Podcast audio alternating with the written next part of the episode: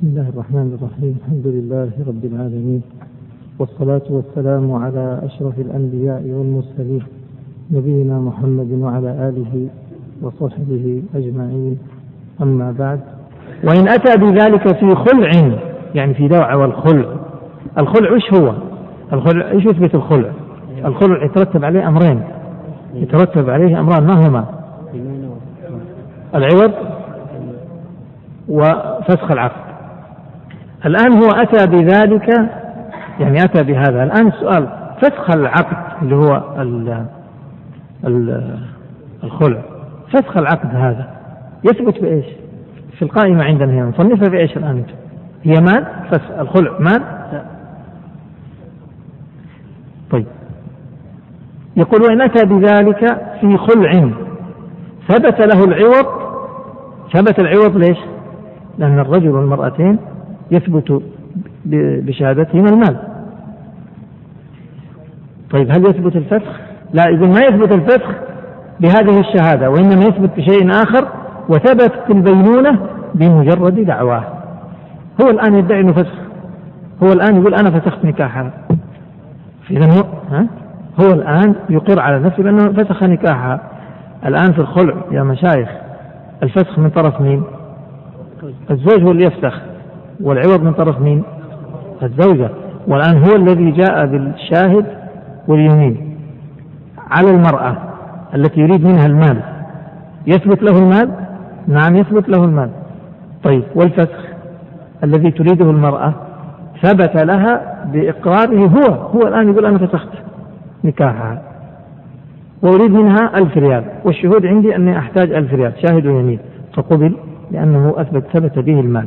يقول وإن أتى بذلك في خلع ثبت له العوض يعني بالشهادة اكتب عندها بالشهادة وثبتت البينونة بمجرد دعواه دعواه اكتب عندها للخلع يعني دعواه للخلع ادعى الخلع.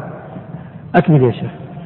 فصل. فصل اكتب عندها الشهادة على الشهادة هذا فصل يسمى في الشهادة على الشهادة. ما معنى الشهادة على الشهادة؟ الشهادة على الشهادة ما هي؟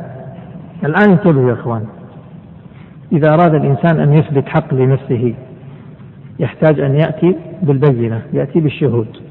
طيب راح يحضر الشهود الذين شهدوا له بهذا الحق. هب أن هؤلاء الشهود كانوا بعيدين مسافرين أو مرضى. يمكن أن يشهد على شهادتهم. فيأتي بشاهدين يتحملون هذه الشهادة من هؤلاء. فهمتوا مسألة الشهادة على الشهادة طيب الشاهد على الشاهد يأتي عند القاضي يشهد بإيش؟ يشهد بأن فلان أقرض فلان؟ لا يشهد بالشهادة التي تحملها. يقول أشهد أن فلان شهد بكذا وكذا. فهمتوا؟ ثم الشهادة على الشهادة. واضح مسألة الشهادة على الشهادة الآن؟ فكرتها؟ آه نقرأها من الملخص 67 الشهادة على الشهادة لها شروط. ما هي شروطها؟ أولا لا تقبل الشهادة على الشهادة إلا في حق الآدمي مش في حقوق الله. حقوق الآدميين. اثنين لا يحكم بها إلا إذا تعذرت شهادة الأصل. إذا كان شاهد الأصل متعذر بموت أو مرض أو غيبة أما إذا كان شاهد الأصل موجود فلا يشهد على شهادته. ثلاث الشرط الثالث والأخير ما هو؟ لا يشهد الشاهد الفرع ويتحمل الشهادة إلا أن يسترعيه الشاهد الأصلي إيش يعني يسترعيه؟ يعني يحمله هذه الشهادة. انتبهوا يحمله هذه الشهادة. إذا الشهادة على الشهادة لو أن إنسان سمعها فقط هكذا هل يستطيع أن يشهد على شخص آخر؟ يقول أنا أشهد أن فلان يشهد وهو لم يتحملها منه لابد أن يحمله هي. فهمتوا يقول له كيف يحمله؟ يسترعيه شاهد الأصل فيقول له اشهد على شهادتي بكذا. فعند ذلك له أن إيش؟ أن يذهب وأن يدلي بهذه الشهادة ويكون شاهد فرع. طيب. أو أفرض أنه ما استرعاه ما قال له اشهد على شهادتي. ليس له أن يحمل هذه الشهادة في حالات يمكن ما هي؟ أو إيش مكتوب عندكم؟ أو يسمعه يقر بها. أليس كذلك؟ اكتب عندها يقر بها عند حاكم. إذا سمعوا إذا كان الشخص عند القاضي وسمع أحد الشهود يدلي بشهادة عند القاضي. هل له أن يتحملها؟ نعم يتحملها. ويمكن يذهب بعد ذلك يشهد. بعد زمن طويل يقول نعم أنا أشهد أن فلان شهد عند القاضي وقال إن فلان اقترض من فلان مئة ألف ريال. طيب هل استرعاك؟ هل هو حملك الشهادة؟ يقول لا ما حملني الشهادة. وإنما سمعته يدلي بها في مجلس القضاء. فهمت الكلام ولا لا؟ طيب في حالة ثالثة. أو يسمعه يعزوها إلى سبب من قرض أو بيع أو نحو ذلك. كيف؟ كان يسمع شخص يقول أنا أنا حضرت آه اليوم عقد بيع وكنت شاهد في عقد البيع. عندما باع فلان بيته على فلان. إذا صرح بالسبب الذي تحمل تحمل به. فعند ذلك للسامع أن يتحمل الشهادة. على الشهادة. أرجو أن تصحصحوا إذا نطرد النوم الآن. انتبهوا معي. الشاهد على الشاهد. يتحمل يجوز له أن يدلي بالشهادة بشروط. قلنا ما هي الشروط؟ الشرط الأول يكون تكون الشهادة في حق آدم هذا واحد. الشيء الثاني لابد أن يتعذر الشاهد الأصل. الثالث لابد أن يتحملها بأحد الطرق الثلاث. ما هي الطرق الثلاث؟ الطريقة الأولى أن. الاسترعاء أن يسترعيه الأصل أن يحمله الأصل ويقول له اشهد على شهادتي. فله أن يشهد. الثانية أن يسمع الفرع الشاهد الفرع يسمع شاهد الأصل يدلي بهذه الشهادة عند الحاكم فله أن ينقلها. الثالث الثالث أن يسمع شاهد الفرع. شاهد الفرع يسمع الشاهد الأصل وهو يذكر السبب يذكر التفاصيل فله أن يتحملها. فهمت المسألة؟ أما واحد يجلس في مجلس ويسمع اثنين يتكلموا أو يسمع رجل يمزح ولا كذا فيأخذ هذا الكلام ويشهد عليه ما تعتبر شهادة. فهمت عليه؟ أنه قد يتكلم الإنسان كلام يحكي حكاية يمزح آه، يحكي شيء قديم انتهى فليس له أن أن ينقلها عنه وأن يعتبرها شهادة يروح ينقلها عنه ويدلي بها يثبت بذلك حق الآن اقرأ علينا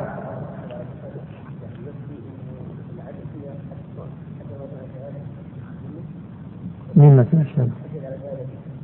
إيه؟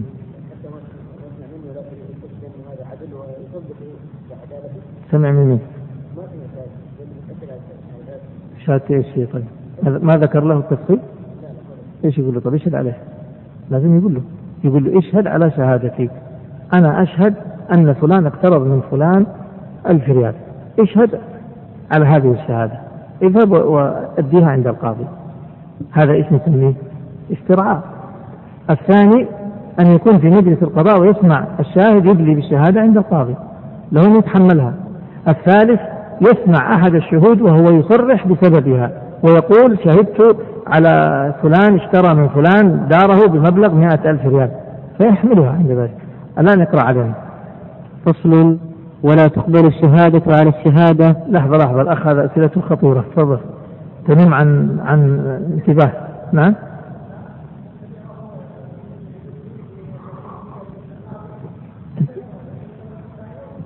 عند إيش؟ لا يعني افرض إنه صحيح افرض إنه ثبت يعني شهد عند القاضي وشاهد واحد وما جاء الثاني ما, ما ثبت الحكم ممكن هذا ولا لا؟ ها؟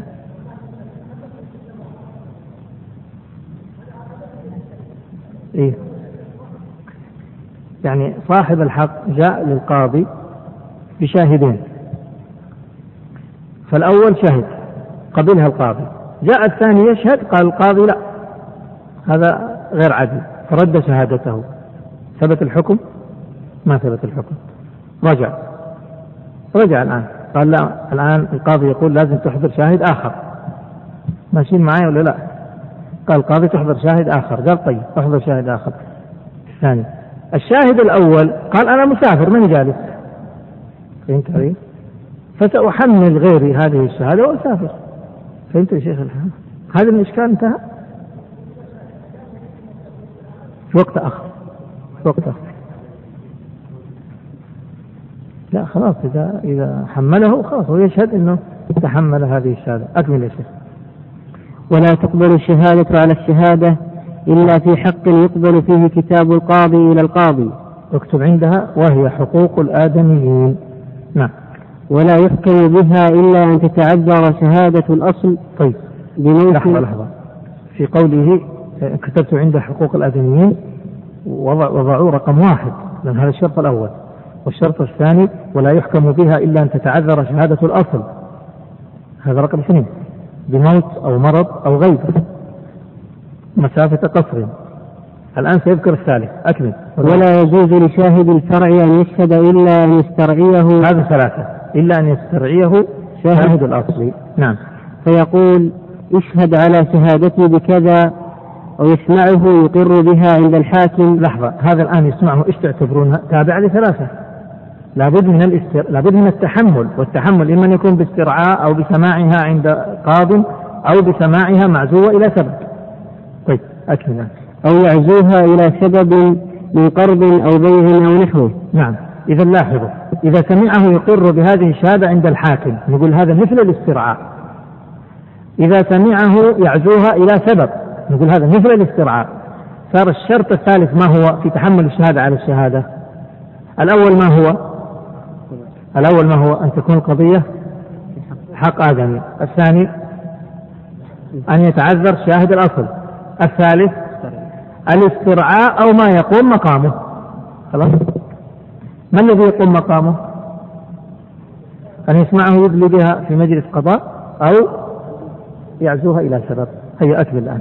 وإذا رجع شهود المال بعد الحكم لم ينقض. ها الآن يقول الآن يتصور المؤلف أن الشهود رجعوا عن الشهادة بعد ما شهدوا وأثبت وثبت الحكم. وقد يكون نفذ كذلك. قد يكون نفذ يعني سلم المال. يقول لا ينقض الحكم. طيب ماذا نفعل؟ ويلزمهم الضمان دون من زكاهم. انتبهوا. الآن نعود إلى أنا وعبد العزيز. ادعيت على عبد العزيز بألف ريال. وأحضرت اثنين شهود. بينة. والقاضي ما قبلهم. قال ما أعرفهم. أحضر كم؟ أحضر مزكين. كم عددهم؟ اثنين يزكون فأحضرت اثنين يزكون الشهود. فزكوا الشهود. حكم القاضي بموجب هذه البينة. وأخذت الألف ريال من عبد العزيز. جاء الشهود وقالوا قالوا إيش؟ قالوا رجعنا عن الشهادة. صراحة إحنا لا شهدنا ولا شفنا ولا شيء. إحنا حابيناك وحابينا هذا الرجل والآن نستغفر الله ونتوب إليه. جاءوا للقاضي وهذا قالوا هذا الكلام. ماذا يفعل القاضي؟ ينقض الحكم؟ ما ينقض الحكم. ماذا يفعل؟ يضمن الشهود يقول للشاهدين الآن القضية ثبتت بإيش بشاهدين والشاهدين وراهم اثنين مزكين. فمن الذين يضمنون؟ يضمن الشاهدان. طيب المزكين؟ لا علاقة لهم. لماذا؟ لأن المزكين ما شهدوا في هذه القضية ولا زكوا هذه القضية. هم يزكون هذا الشاهد يقولوا هذا عدل. أما هذه القضية ما ندري عنها. يستحق مال ما يستحق مال ما ندخلنا فيها. طيب قال إذا يلزمهم الضمان دون من زكاهم دون التزكية. طيب نكمل الصورة هذه بس واحفظ سؤالك لا تتركه. وإن حكم بشاهد ويمين أفرض المسألة هذه نفسها أنا وعبد العزيز. أحضرت شاهد فقط ويمين. يقبل هذا ولا ما يقبل؟ ليش يقبل يا إخوان؟ ردوا علي. لأنه مال أنا أبغى منه ألف ريال. وإن حكم بشاهد ويمين ثم رجع الشاهد غرم المال كله. هل نقول للشاهد يتحمل نصف المال؟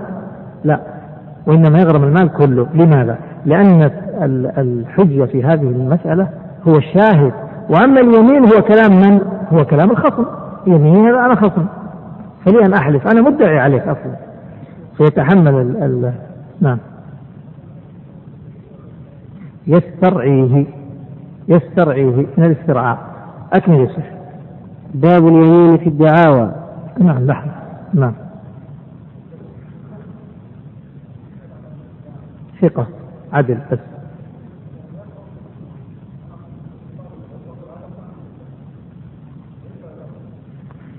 الآن اتركنا إيش اللي في المحكمة؟ إيه لا هو المفترض أنت أحيانا مو مزكي أحيانا يجيب يطلب معرف. مش يزكي يطلب معرف انتبه إذا طلب معرف شيء ثاني. فيأخذ بس اسمه فقط ما يزكيه أما إذا كان يطلب شيء ثاني طيب ها؟ طيب طيب التهاون في التهاون ليس في هذا فقط. التهاون حتى في أركان الإسلام. نعم.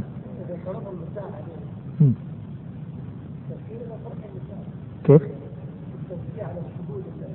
إيه اللي أتى لا مش إذا طلبها المدعي الله يحفظك. إذا طلبها القاضي. أو إذا القاضي قال ما أعرف الشهود هؤلاء فأحضر مزكين يزكونهم. طيب باب اليمين في الدعوة.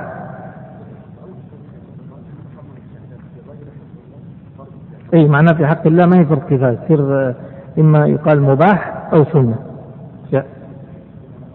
يعني زنا. آه، أو أو أي قضية ترك صلاة أو كذا. يعني حقوق الله سبحانه وتعالى مبنية على المسامحة. نعم. أو أو كذا نعم. لكن هل يشهد ولا ما يشهد؟ تنبني على المصلحة. هي لا تجد. طيب إيش يكون حكمها؟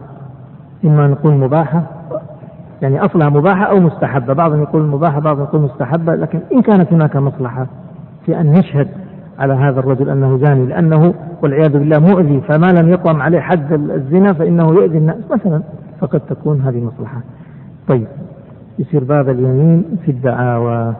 وقفنا عندها. نكمل بعد الأذان.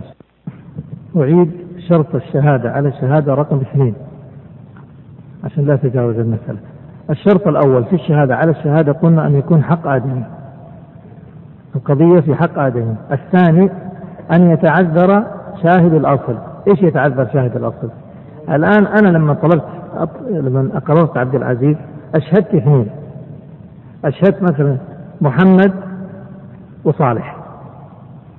ثم لما قدمت الدعوة عليه في القضاء طلب الشهود فأحضر من؟ أحضر محمد وصالح. هذول الشاهد شهود الأصل. إذا تعذر إحضار محمد وصالح لكون محمد وصالح مات أو أحدهم مات أو سافروا أو مرضوا في هذه الحالات في هذه الحالات يمكن أن أحضر شاهد على الشاهد. كيف؟ لما قدمت الدعوة أطالب بالألف ريال شاهدي محمد وشاهدي صالح مسافرين. فأحضر شهود فرع يتحملون الشهادة من شهود الأصل لأنهم مسافرين. واضح هذا؟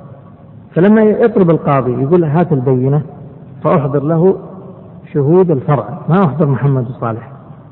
وأقول هؤلاء يشهدون على الشهادة. فيقول طيب أين شهود الأصل؟ لو قلت له شهود الأصل في البيت جالسين إيش يقول القاضي؟ يقول ما أقبلهم أحضرهم.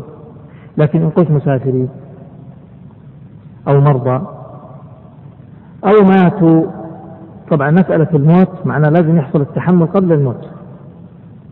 إذا مثلا كبروا في السن وخشيت أن يموتوا أو خشيت أن يصيبهم خرف أو كذا يمكن أن يثبت والقضية ما زالت مستمرة أو خشيت أن تطرأ قضية.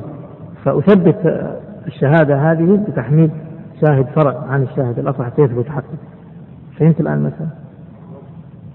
أقول سافروا أقول مرضوا أقول ماتوا يعني في عذر يمنعهم أما إن كانوا موجودين في البلد وليس بهم مرض فلا تقبل الشهادة على الشهادة. واضحة مسألة الشهادة على الشهادة. لا لأنه جاني السؤال معلش أنا ما ما أكرر يصيبكم بالملل لكن هذا جاني يقول أرجو شرح الشهادة على الشهادة. و وعموما يعني الدروس العامة الناس فيها تتفاوت. يعني من الناس مثلا من أول مرة يحفظها والثاني من ثاني مرة والثالث يسرح والرابع يفكر في العيال ولا يفكر في في المقاضي وهكذا. فلذلك يعني ليسوا سواء. طيب. بعد اليمين في الدعاوى يقول المصنف لا يستحلف في العبادات ولا في حدود الله كالزنا. كيف ما يستحلف في العبادات؟ يعني ما نقول للشخص صليت؟ يقول نعم صليت. يقول له أحلف أنك صليت. لماذا؟ لأن هذه صلاة بينه وبين الله. إن أعلن تركه للصلاة عند ذلك يؤاخذ بهذا لكن العبادة التي بينه وبين الله ما يستحلف عليها ما يقال له طيب زكيتها أحلف أنك دفعت الزكاة أحلف أنك صايم. قال ولا في حدود الله تعالى. أحلف أحلف أنك من تزني. ما يستحلف بهذا. قال ويستحلف المنكر في كل حق لآدمي إذا اليمين في الدعاوى تدخل في حقوق الآدميين ولا تدخل في حقوق الله. انتهينا من هذا؟ طيب.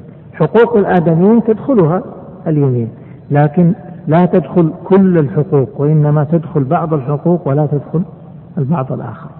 قال المصنف ويستحلف المنكر في كل حق لآدمي إلا ما معنى إلا؟ يعني ما بعد إلا وإن كانت حقوق لآدميين لكنه لا يستحلف. لماذا ما يستحلف فيها؟ يقول المصنف لأن هذه الأشياء التي ستذكر وهي عشرة. هذه الأشياء العشرة التي ستذكر هي من حقوق الآدميين. لكن لا يستحلف فيها لأنه لا يقضى فيها بالنكول. والقاعدة أنه لا يقضى بالنكول إلا في المال وفي ما يقصد به المال. فهمتوا؟ طبعا الشرح سي يعني يظهر الأمر أكثر. قال إلا النكاح. أراكم ترقبوا الآن. الطلاق. الرجعة ثلاث. والإيلاء أربعة. وأصل الرق والولاء ستة. والاستيلاد سبعة. والنسب ثمانية. والقود تسعة. والقذ عشرة. واضح؟ كيف؟ هذه العشرة ما يستحلف منكرها. لا يستحلف منكرها. اكتب عندها. أي لا يستحلف منكرها. إيش يعني ما يستحلف منكرها؟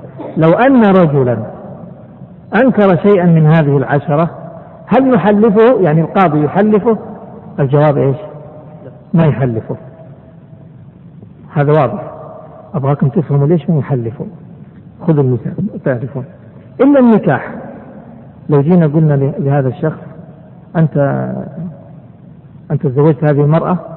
قال لا ما تزوجتها. نقول له احلف. كذب نقول له احلف. المصنف يقول إيش؟ ما يستحلف طيب خلونا نأخذ بالعكس. لو فرضنا إننا بنحلف نبغى نحلفه طيب لو قلنا له احلف فرفض هل يقضى عليه بالنكول؟ إيش يعني يقضى عليه بالنكول؟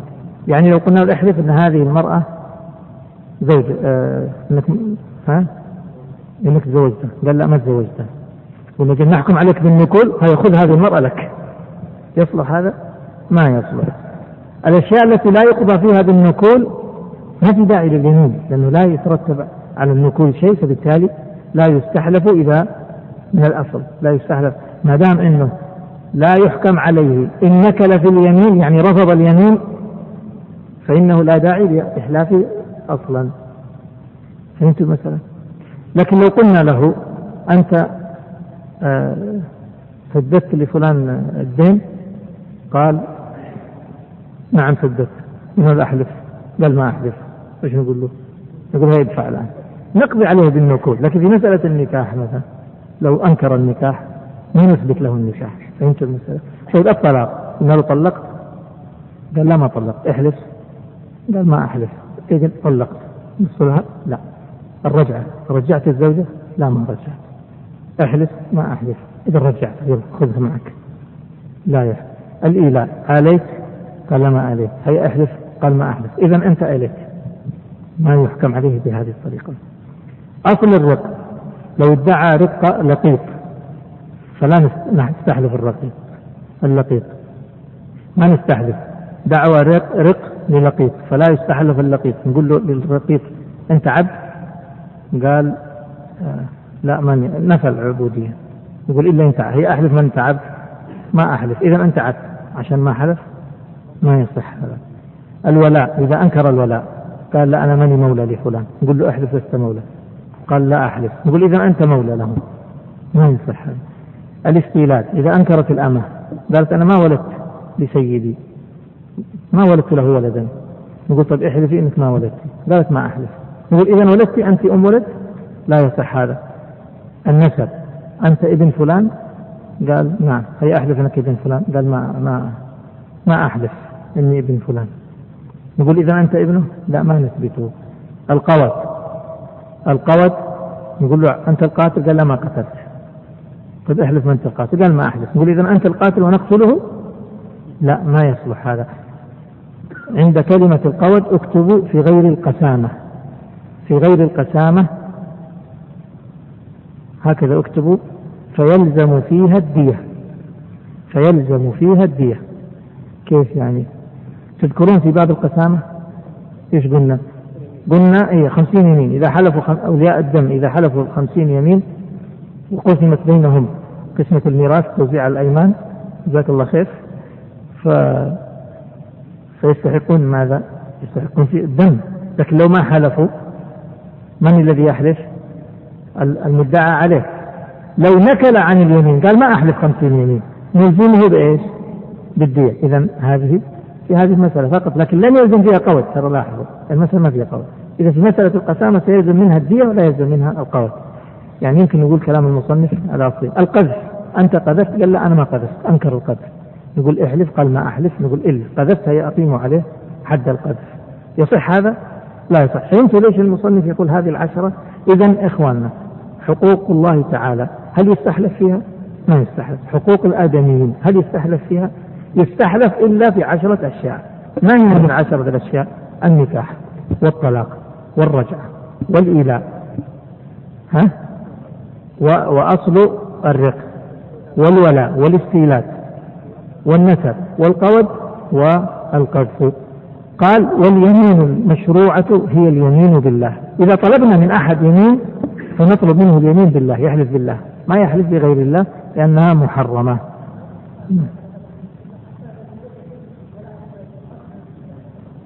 ما سمعت ترى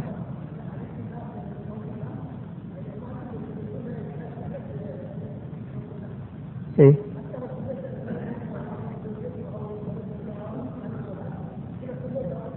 إيه؟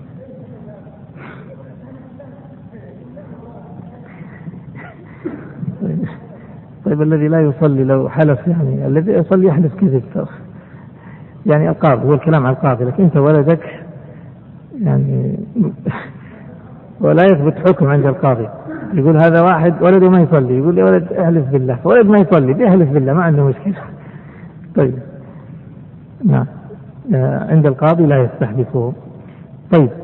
اليمين المشروعة هي اليمين بالله. ليست بغيره ثم قال ولا تغلظ إلا فيما له خطر. إيش هي اللي تغلظ؟ يقول الأيمان أحيانا تغلظ. من الذي يقرر أنها تغلظ؟ الحاكم القاضي هو الذي يقرر. يقرر إذا رأى أن المسألة فيها خطورة فيقول له أحلف يمين مغلظة. انتبهوا الآن أحيانا يطلب منه اليمين. أحيانا يطلب منه يمين فقط وأحيانا يطلب منه يمين مغلظة. لاحظنا؟ فإن طلب منه يمين مغلظة يجوز للحاكم أن يطلب اليمين المغلظة؟ نعم يجوز له أن يطلب اليمين المغلظة إذا رأى ذلك. واضح؟ لو أنه رفض قال ما أغلظ اليمين؟ إيش يعني مغلظة؟ إحنا ما شرحنا مغلظة، كيف تكون مغلظة؟ تكون مغلظة بصور، إما أن تكون مغلظة باللفظ يعني تقول والله ليس له عندي شيء هذه ما هي مغلظة لكن مغلظة والله الذي لا إله غيره صارت مغلظة. ممكن أزيد والله الذي لا إله غيره ها آه العليم العظيم القهار الجبار إنه ما له شيء عندي. هذا تغليظ. والتغليظ له صور أخرى. قد يكون التغليظ بالمكان. يقولون عند في الجامع في المسجد. وقد يكون في الزمان بعد العصر. وهكذا. يغلظ بصور كثيرة. نعم. اللعان؟ هي إيمان مغلظه ما في شك. بس هو الآن نتكلم على غير اللعان. فمسائل الأيمان إذا طلب القاضي تغليظ اليمين له ذلك. هذه المسألة الأولى. المسألة الثانية إذا رفض المدعى عليه أن يغلظ اليمين نقضي عليه بالنكول ولا لا؟ وهنا فرقوا. لو نكل عن اليمين كلها قال ما أحلف لا يمين مغلظة ولا غير مغلظة. يحكم عليه بالنكول نعم يحكم عليه بالنكول لكن إذا قيل له احلف يمينا مغلظة فقال أحلف يمين لكن غير مغلظة. هل يعتبر ناكل أم لا؟ لا ما يعتبر ناكل. النكول هو بترك اليمين بالكلية أما إن ترك التغليظ فإنه إيش؟ لا لا يعتبر ناكلا. مسألة أخيرة. إذا طلب من الشخص اليمين كيف طريقة اليمين التي يحلف؟ هل يحلف على البت والقطع أم يحلف على نفي العلم؟ ما معنى هذا؟ يحلف على البت والقطع يعني يقول والله ما حصل هذا الشيء. الآن أطالب عبد العزيز أقول أعطيني آه، ألف ريال. أطالبه بألف ريال. فعندما يطلب منه اليمين أنا ما عندي بينة طلبنا منه اليمين. عندما يحلف يحلف إيش؟ على البت والقطع ولا على نفي العلم؟ يعني على البت يقول والله ليس له عندي ألف ريال. واضح؟ فيحلف على البت في فعل النفس. يحلف الإنسان على البت في الدعوة على الغير يحلف الإنسان على البت. لكن هناك حالات يحلف فيها على نفي العلم. ما هي؟ نفي فعل الغير. كيف؟ لو بشخص وقلنا له تعال يا فلان أنت والدك قبل ما يموت غصب منا هذه الأرض. لا نطالب بمال والدك غصب منا هذه الأرض فسلمنا إياها. أنكر. وقال أبدا. طلب منه اليمين. كيف يحلف يقول والله أبونا ما غصب الأرض ولا يقول والله لا أعلم أن أبانا غصب فهمتم؟ إذا إذا حلف الإنسان على نفسه يحلف على القطع لكن إذا حلف على الغير واضح؟ وهذا في كل شيء. يعني ما يصير أن تحلف تقول والله فلان ما فعل كذا. يصح هذا؟ ولا تقول والله ما أعلم أن فلان فعل كذا. واضح يا أخوان؟ تقول والله ما أعلم قد يكون فعل أنت ما تدري. إلا إذا كان النفي في شيء محصور. يعني أقول والله أن فلان ما فعل كذا في ذاك المجلس. أحصره في المجلس ذاك لأنه محصور. أما أقول والله فلان ما ما سرق. يصح هذا؟ ما يصح أن تقول. فإذا في الحلف على فعل الغير تحلف على نفي فعل الغير تحلف على نفي القطع ما تحلف على نفي العلم ما تحلف على البت. تقول والله ما حصل هذا الشيء. قد يكون حصل وأنت لا تعرف. واضح المسألة هذه؟ طيب. قال المصنف عليه رحمة الله كتاب الإقرار. باقي وقت؟ طيب كتاب الإقرار. ننتقل الإقرار الإقرار ما هو؟ إظهار مكلف مختار ما وجب عليه. اكتبوا هذا. ولا تنسوا قلنا إذا أضاف الإنسان حق نفسه إلى الغير إيش نسميه؟ إقرار. وإذا نسب حق الغير إلى نفسه دعوة. وإذا نسب حق الغير إلى الغير أضافه إلى الغير شهادة. اقرأ يا شيخ. يصح؟ يصح من مكلف مختار غير مجبور عليه. طيب هذه ثلاثة شروط.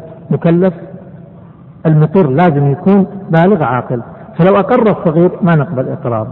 بالغ عاقل. لو أقر المجنون وقال أنا أقر أنه أخذت ألف ريال. ما نقبل هذا الإقرار. مختار. لو أقر المكره لا يقبل إقراره. غير محجور عليه. المحجور عليه في المال لو أقر. وقال بعد ما حجر الحاكم عليه في ماله قال ما تتصرف في الأموال ولا في الأراضي. فجاء وأقر. قال بس هذه العمارة أنا أقر أنها لفلان. ما نقبل هذا الإقرار. لأنه يريد أن يفك متهم في أنه يريد أن يفك بعض ماله من الحجر. أكمل يا شيخ. ولا يصح من مكره لا يصح من مكره لأنه غير مختار. نعم. وإن أكره على وزن مال تباع ملكه لذلك صح.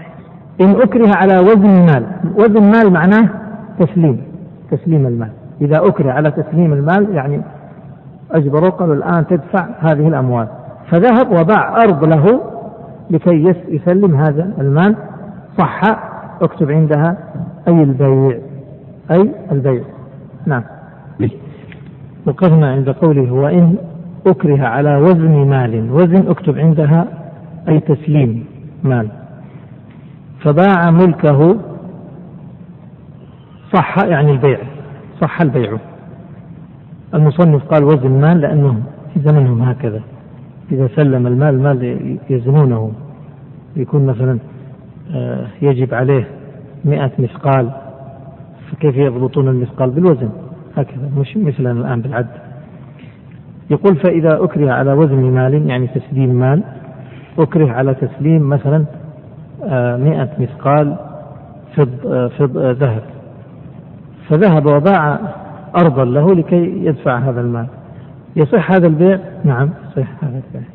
لأن الإكراه على التسليم وليس الإكراه على البيع. يقول ومن أقر في مرضه. انتبهوا لهذه المسائل الآن الجاية. من أقر في مرضه بشيء كإقراره به في صحته إلا في إقراره بالمال لوارث فلا يقبل. هكذا. قرأت هذه؟ إذا من أقر في مرضه ولو كان المرض مخوف بشيء فنعتبر هذا الإقرار صحيح ولا غير صحيح؟ قال هو صحيح. فكإقراره به في صحته معناه أنه صحيح. يقبل. لعدم التهمة إلا في إقراره بالمال لوارث فلا يقبل. لكن لو أقر في مرض الموت أو في مرضه المخوف ولا غيره أقر في مرضه بمال لوارث لأحد الورثة قال المصنف فلا يقبل. لماذا؟ للتهمة الآن. لأنه هو في مرضه إذا كان في مرض مخوف هل يصح أن يعطي أحد الورثة أو بعض الورثة؟ مر معنا في كتاب العطية والهبة. يصح ولا ما يصح؟ ما يصح في مرضه أن يعطي آه، وارثا. ولا يصح قد يصح أن يعطي غير وارث؟ في حدود في حدود الثلث. إذا في مرض الموت هو كأنه موت معناه ما يتصرف إلا في الثلث لغير الوارث. فقط هذه فإذا أقر لوارث لم يقبل. هذا معنى كلام المصنف قال وإن أقر أي المريض لامرأته بالصداق. الآن إذا أقر للمرأة بالصداق أقر لوارث ولا غير وارث؟ أقر لوارث. فهل نقبل هذا الإقرار؟ المفروض على القاعدة نقول إيش؟ ما يقبل. وهو كذلك. المصنف يقول ما يقبل. قال وإن أقر أي المريض اكتب عندها. لامرأته بالصداق فلها مهر المثل بالزوجية لا بإقراره. إذا قبل الإقرار؟ نعم. لم يقبل. طيب ليش أعطيناها مهر المثل؟ لاحظوا إننا أعطيناها مهر المثل ما أعطيناها المهر ال... الذي أقر به. فلو أقر قال هذه الزوجة في مرض الموت. آه أنا أقر أني ما أعطيتها مهرها لها مهر عشرين ألف ريال. أو قال آه مهرها خمسين ألف ريال. نقبل هذا الإقرار نعم. للزوجة ما نقبله طيب إذا ما قبلناه عندنا علامة واضحة ودليل واضح أنها زوجة هي الآن فإذا نقول لها مهر المثل والغين الإقرار قال ولو أقر يعني المريض أنه كان أبانها كيف؟ كيف؟ إذا ادعت؟ أقر بخمسين ألف نقول ليس لها خمسين ألف لها مهر المثل. مهر المثل قد يكون أقل قد يكون أكثر.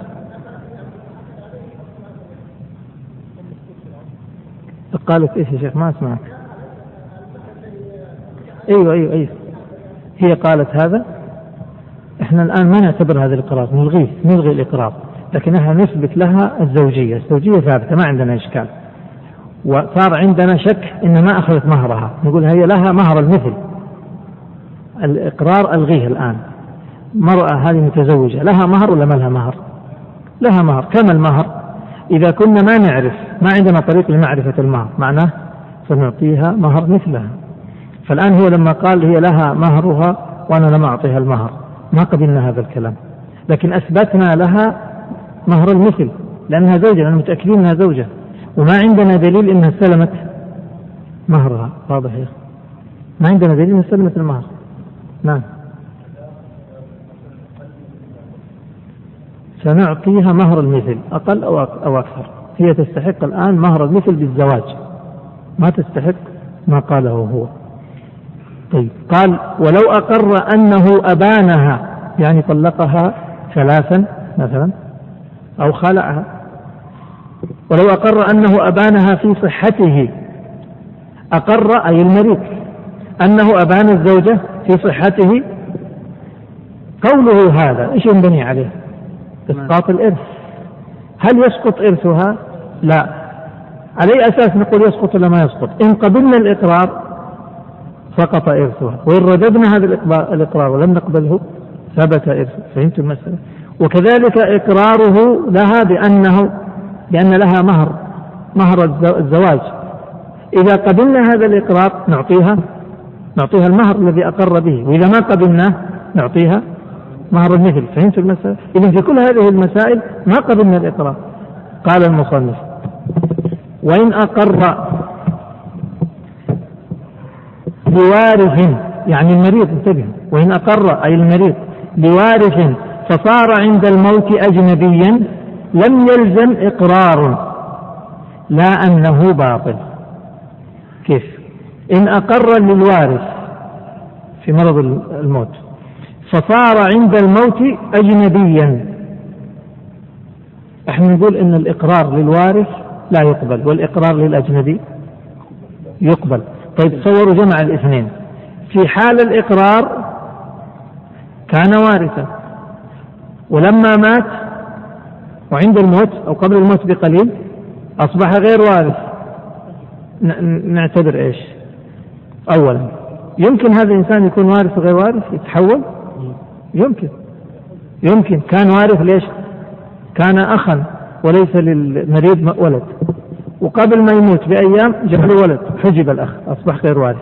وإن أقر أي المريض للوارث فصار عند الموت أجنبيا. نعتبر إيش؟ نعتبر حال الإقرار ولا حال الموت؟ قال حال الإقرار. لأن التهمة متى؟ التهمة ساعة الإقرار مش ساعة الموت. هذا الكلام يختلف عن مسألة مرت معنا في الوصية. أحد يذكر؟ تذكرون؟ في الوصية. لو أوصى لوارث يقبل هذا ولا ما يقبل؟ ما يقبل. لو أوصى لغير وارث يقبل. العبرة بإيش؟ العبرة بالموت. لو أوصى لوارث وبعد وعند الموت أصبح غير وارث نمضي الوصية. ولو أوصى لغير وارث وبعد الموت أو عند الموت أصبح أصبح وارثا نمنعه. الوصية غير مسألة الإقرار. الوصية العبرة فيها بحال الموت والإقرار العبرة فيه بحال الإقرار. إذا إن أقر للوارث فصار عند الموت أجنبي ما لنا شغل في الموت. لنا في حالة الإقرار. حالة الإقرار كان وارث يعني كان متهم. فما نقبل هذا الإقرار. يقول لم يلزم لا أن لم يلزم إقرار يقول لا أنه باطل. عندكم كذا؟ لا أنه باطل. يقصد إيش المصنف؟ يقصد أنه موقوف على الإجازة. يعني مثل هذا موقوف على إجازة الورثة. أما هذا الإقرار فلا نمضيه وإنما ننتظر الورثة. إن أرادوا أن يمضوه يمضوه وإلا فلا. ليش؟ لأنه ساعة الإقرار كان متهم وكان وارثا. يقول وإن أقر لغير وارث هذه عكس. أو أعطاه يعني شيئا من المال صح. وإن صار عند الموت وارثا لماذا؟ لأن ساعة العطية أو ساعة الإقرار ما كان متهم. أقر بغير وارث قبلنا هذا الإقرار عند الموت أصبح وارث لم نلتفت لحال الموت لأنه عند الإقرار كان غير متهم. يقول وإن أقرت امرأة على نفسها بنكاح ولم يدعه إثنان قبل قبل إقرارها أي إقرارها. هذه المسألة الآن ستأتي باختصار عشان تسهل المسألة. إقرار المرأة بالنكاح نقبله إذا أقرت هي. وإذا أقر كذلك وليها المجبر. من وليها المجبر؟ الأب واحد. والثاني؟ وليه في النكاح. ها وصيه في النكاح. هذا الثاني فقط. في ثالث؟ ما في ثالث. فإذا أقرت هي بالنكاح قبلنا هذا الإقرار. وإذا أقر وليها المجبر قبلنا هذا الإقرار. والثالث إذا أقر وليها غير المجبر لكن الذي أذنت له أن يزوجها. قبلنا هذا الإقرار. فهمت المسألة؟ إذا نقبل إقرار المرأة بالنكاح في ثلاث صور إن أقرت هي بنفسها أو أقر أبوها أو وصيه في النكاح يعني المجبر أو وليها الذي أذنت له. قال المصنف الآن هذا الكلام اللي سنقرأه هو خلاصة ما قلت. وإن أقر وليها المجبر أي أبوها أو وصيه فيه بالنكاح أو الذي عفوا لا لا إيه خلاص آه، هي التي يريدها أنا الآن وإن أقر نعيد وإن أقرت امرأة على نفسها بنكاح ولم يدعه اثنان قبل إيش نفهم من هذا؟ إنه لو ادعاه اثنان وهي أقرت لواحد يقبل ولا ما يقبل؟ نعم. ظاهر كلام المصنف إنه إيش؟ نعم. إنه ما يقبل لكن الصحيح في المذهب الصحيح في المذهب أنه يقبل سواء ادعاه اثنان أو لا والمذهب روايتان رواية أنها لو أقرت لواحد مقبول. وأما إذا كان المدعين للنكاح اثنان فأقرت لواحد لا. لكن هذا خلاف كما ذكر المصنف. يعني كلام المصنف الآن إيش نفهم منه؟ إنه إذا أقرت لواحد المدعي واحد فقط وأقرت له قبل هذا الإقرار. وإذا كان المدعي للنكاح الذي يدعي نكاح اثنان فأكثر فأقرت لواحد منهم ما يقبل هذا. هذا اللي نفهمه هذه رواية. الرواية الثانية أنه يقبل إقرارها ولو ادعاه أكثر من واحد. المذهب ما هو؟ المذهب هو الثاني الذي قلنا خلاف ما قاله الأصح في المذهب أنه يقبل ولو ادعاه إثنان. يصبح على على الرواية الثانية اللي قلنا هي الأصح في المذهب. لا داعي لقول إيش؟ ولم يدعه إثنان. أصبحت لم يدعه إثنان؟ إشارة لي لقول ثاني. معايا يا إخوان؟ طيب. أيوه خلاف هذا. الأصح أنه يقبل ولو ادعاه إثنان. ويمكن أسمع عند قوله ولم يدعه إثنان قبل. وعنه ولم يدعه إثنان. عند قوله ولم يدعه إثنان. وعنه ولو ادعاه إثنان. يصبح وعنه عن مين؟ إذا قلنا عنه الإمام أحمد. وعنه ولو ادعاه إثنان. صارت الصورة كيف؟ وعنه ولو ادعاه إثنان قبل ولو ادعاه إثنان قبل. إذا قرت هي خلاص يقبل. قال وإن أقر وليها المجبر. هذه الحالة الثانية. المجبر بالنكاح. أو الذي أذنت له هذا الثالث صح أي الإقرار. قال الآن سينتقل إلى مسألة الإقرار بنسب الصغير. قال وإن أقر بنسب صغير أو مجنون مجهول النسب. هذا شرط. أنه ابن أنه ابنه ثبت نسبه منه فإن كان ميتا ورثه ورثه. معنى هذا. لو أن إنسان أقر بنسب صغير أو أقر بنسب مجنون هل ينسب إليه ولا ما ينسب؟ بالإقرار. يقول المصنف إذا كان مجهول النسب فإنه يقبل.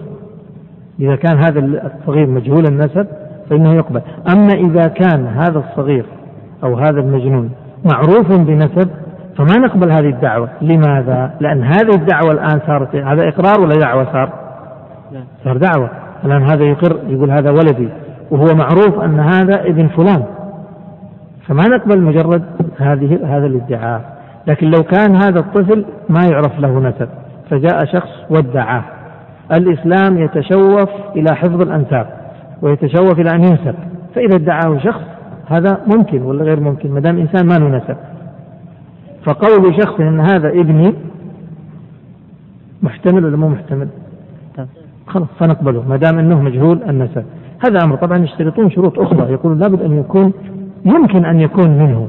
لكن لو ادعى إنسان آه، شخصا يستحيل أن يكون منه. كيف يستحيل يكون منه؟ يعني مثلا في السن لو كان قريب منه في السن ادعى نسب آه، شخص عمره مثلا سبع سنوات وهو عمره مثلا عشرة ما يمكن يكون منه أو ادعى نسب مجنون عمره مثلا عشرين سنة وهو عمره خمسة وعشرين سنة ما يمكن يكون منه إذا إذا أمكن أن يكون منه ولم يكن له نسب معروف فادعاه شخص نسب إليه. فإن مات هذا الصغير أو المجنون ورثه. وإن ادعى على شخص بشيء فصدقه صح أي الإقرار.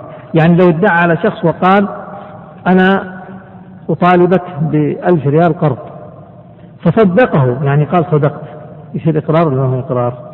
صار إقرار. قال وإذا وصل بإقراره ما يسقطه فصل هذا. هذه المسألة التي معنا الآن هي سهلة وواضحة. انتبهوا له إذا وصل بإقراره ما يسقطه ما يسقط الإقرار. يعني جاب ذكر جملة الجملة الأولى فيها إقرار. يعني تكلم بجملتين الجملة الأولى إقرار والجملة الثانية تلغي الإقرار. نقبل ولا ما نقبل؟ قبل ما نقرأ. نقبل ولا ما نقبل؟ ما نقبل. لماذا؟ لأن الجملة الأولى فيها إثبات للإقرار فمعناه أقر. الجملة الثانية فيها رفع لهذا الإقرار. ما دام ثبت الإقرار ما نقبل الرفع إلا ببينة. فلو قال إنسان أنا اقترضت من فلان ألف ريال ثبتت الألف. ثم قال لكن سددتها له. أو قال ما تلزمني واضح المسألة سددتها. نقول إيش؟ أثبت السداد. طيب لو قال أنا مقترض من فلان ألف ريال. نقبل ولا ما نقبل؟ ما نقول له أثبت. الإقرار ما يحتاج إثبات لكن الدعوة تحتاج إلى إثبات. أنا مقترض من فلان ألف ريال ما نقول له هات بينة وشهود وأحلف أنك مقترض. ما دام أقريت على نفسك فأنت يلزمك ذلك. لكن إذا قال أنا سددت لفلان الدين نقول إيش؟ أثبت الآن أنك سددت هذه المسألة التي معنا. انتبهوا لها لأنه بعدها ستأتي مسألة قريبة منها. فنبغى نفرق بينها. إذا انتهينا من هذه المسألتين انتهى الباب. يقول وانتهى الكتاب بذلك. إذا وصل بإقراره ما يسقطه مثل أن يقول له علي ألف لا يلزمني ونحوه لزمه الألف. لماذا؟ لأنه أقر ثم ادعى منافي والمنافي لم يثبت يحتاج إلى بينة. متفقين على هذه المسألة؟ هيا شوف المسألة اللي بعدها. وإن قال كان له علي يعني ألف فقضيته هذه تختلف ولا مثلها؟ تختلف ولا مثلها؟ تختلف إيش؟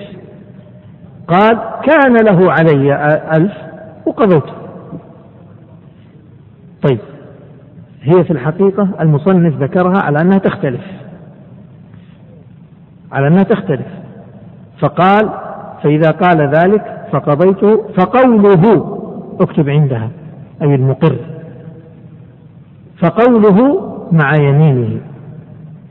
إذا قلنا قول المقر مع يمينه يعني تلزمه الألف ولا ما تلزمه الألف؟ معنى ما تلزمه. طيب وإيش الفرق بين أن يقول له علي ألف ولا تلزمني أو كان له علي ألف وقضيتها؟ إيش الفرق بينها؟ هذه المسألة هي في الحقيقة مشكلة في المذهب. أبو القاسم الخرقي يقول في فرق بين المسألتين وأبو الخطاب يقول لا ما في فرق بين المسألتين. ولذلك الأكثر على أنه ما في فرق بين المسألتين وأن الصحيح أن المسألتين مسألة واحدة. ولذلك نقول عندها نكتب عند قوله فقوله مع يمينه وعنه هو إقرار. الرواية الثانية وعنه هو إقرار. بل إن أبو الخطاب يقول ما في رواية ثانية هذه الرواية عن أحمد يعني ما في إلا واحدة رواية أنه إقرار إنه ما في فرق بين المسألتين. حتى قال بعضهم لا ينبغي لقاض حنبلي أن أن يفتي أو يقضي بهذه المسألة. بقول أبي القاسم فيها. ما في فرق بين المسألتين. له علي ألف ما تلزمني له كان له علي ألف وقضيتها. ما في فرق بينهم. كلها أقر بالألف ثم ادعى رفع هذا الإقرار. فالصحيح أن نقول لا فرق بين المسألتين. يقول وإن وإن قال كان له علي علي يعني ألف فقضيته فقوله يعني المقر مع يمينه. يقول ما لم تكن بينة. الآن على كلام المصنف. يقول إن كانت هناك بينة يعني شهود ما يقبل قول المقر. الآن نتكلم على كلام المؤلف. انتبهوا خلينا نمشي بالترتيب. على كلام المصنف اللي هي الرواية الأولى. إذا قال كان له علي ألف وقضيته يلزم ولا ما يلزمه؟ إن قلنا إقرار يلزم. إن قلنا ما هو إقرار ما يلزم. يلزم ولا ما يلزم؟ ها؟ على كلام المصنف. يلزم ولا ما يلزم؟ ما يلزم. كان له علي ألف وقضيته. ما يلزم. كذا؟ يقول المصنف ما يلزم. إلا إذا شهدت البينة إنه كان عليه ألف. فهذا يلزم. لأنه يصبح ثبت الآن الدين و وبالبينة وادعى الرد. يقول أنا قضيت. فما نقبل هذا. لازم؟ لازم بينة. أو يعترف بسبب الحق. يعني لو قال كان له علي ألف قرض اقترضت منه لكن قضيته. يقول ما يقبل. وقلنا على القول الثاني كلها ما تقبل. يعني كان في بينة أو ما في بينة كان أقر بالسبب أو ما أقر بالسبب كله إقرار. مشايخ معايا ولا أصابكم النعاس؟ طيب إذا باختصار. إذا قال علي ألف لا تلزمني إيش نقول؟ بل تلزمك. وإن قال كان له علي فقضيته. نقول إيش؟ بل تلزمك على الرواية الثانية. وكتبت هذا ولا ما كتبته؟ خلاص الآن تجاوزنا. يقول وإن قال له علي مئة ثم سكت سكوتا يمكنه الكلام فيه ثم قال زيوفا أو مؤجلة لزمه مئة جيدة حالة. لو أنه أقر وسكت ثم ذكر أوصاف وقيود لهذا الذي أقر به. ما دام سكت ما نقبل هذه الأوصاف ولا القيود إلا إذا كانت متصلة. فهمتوا؟ إذا قال الآن سأذكر مثالين. قال له علي ألف زيوف. زيوف قصد رديئة. بفلوسهم زمان رديئة وجيدة لكن إحنا ما عندنا الآن. الريال هو الريال. ما راح يكون ريال رديء وريال شيء. ها؟ ومزورة ممكن. ما في ما يقول يقول له ألف مزورة طيب زيوف يعني رديئة مكسرة ولا تعبان مؤجلة.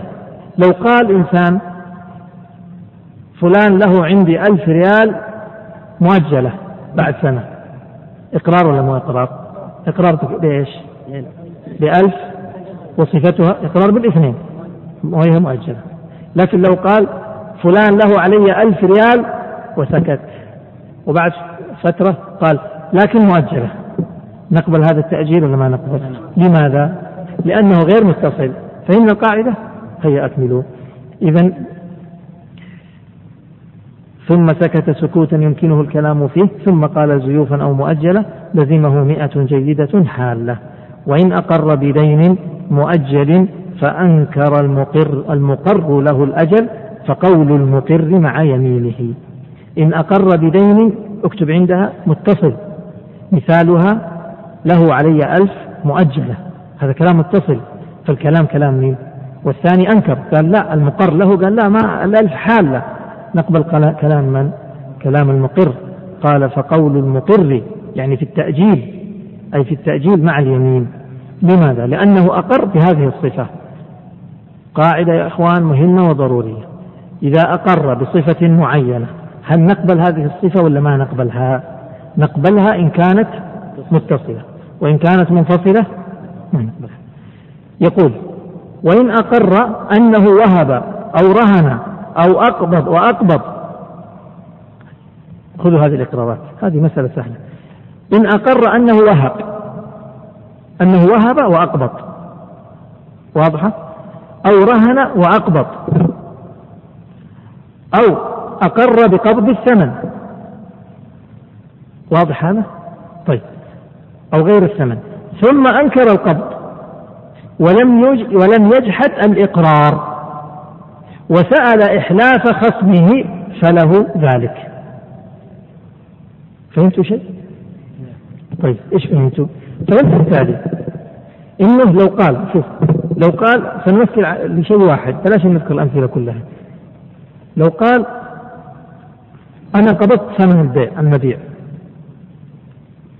لو أقر قال أنا قبضت ثمن المبيع ثم أنكر يعني إيش قال؟ أقر على نفسه وشاهد شهود أنه قبض ثمن المبيع أو كتب على ذلك وشاهد الشهود على الورقة أنه قبض ثمن المبيع ثم بعد ذلك قال شوفوا أنا ما قبضت. طيب قالوا له والإقرار؟ هذا معنى ثم أنكر القبض قال ما قبضت ثمن المبيع طيب قالوا له والإقرار اللي أنت كاتبه عليه شهود ولم يجحد الإقرار. يعني قال والإقرار صحيح. هي إيش يطلع هذا؟ يقول ما قبضت والإقرار صحيح. ممكن هذا ولا ما ممكن؟ لحظة تعرف أنه ممكن ولا لا؟ الآن يقولوا غالب غالب الناس العادة جرت حتى في هذه الأيام إنه لما يجي يسلم الإنسان حقه يقول له يوقع يوقع. صح ولا لا؟ ما قبض شيء. وقع وقع. طيب أبصم بصم. وإذا في شهود هي أشهدوا شاهدوا ثم يطلع الفلوس. يقول لو حصل هذا إنه وقع وشاهد وكل شيء وما طلع فلوس. ممكن ذا؟ هذا هو. يقول من أجل هذا الاحتمال موجود فيقول إذا أنكر القبض ولم يجحد الإقرار. طيب وسأل إحلاف خصمه. قال يا جماعة أنا ما قبضت. أنا أقر بأن هذا الإقرار إقراري لكن أنا لم أقبض. وأطلب شيء واحد. حلفوه. حلفوه أنه أقبضني. نقبل هذا ولا ما نقبل؟ نقبل لأنه محتمل. يمكن فعلا قال له وقع وقع. هذا اللي يحصل ولا لا؟ هذا اللي يحصل. وتروح توقع على ظهر الشيك سلمه. ثم يعطيك المال. طيب.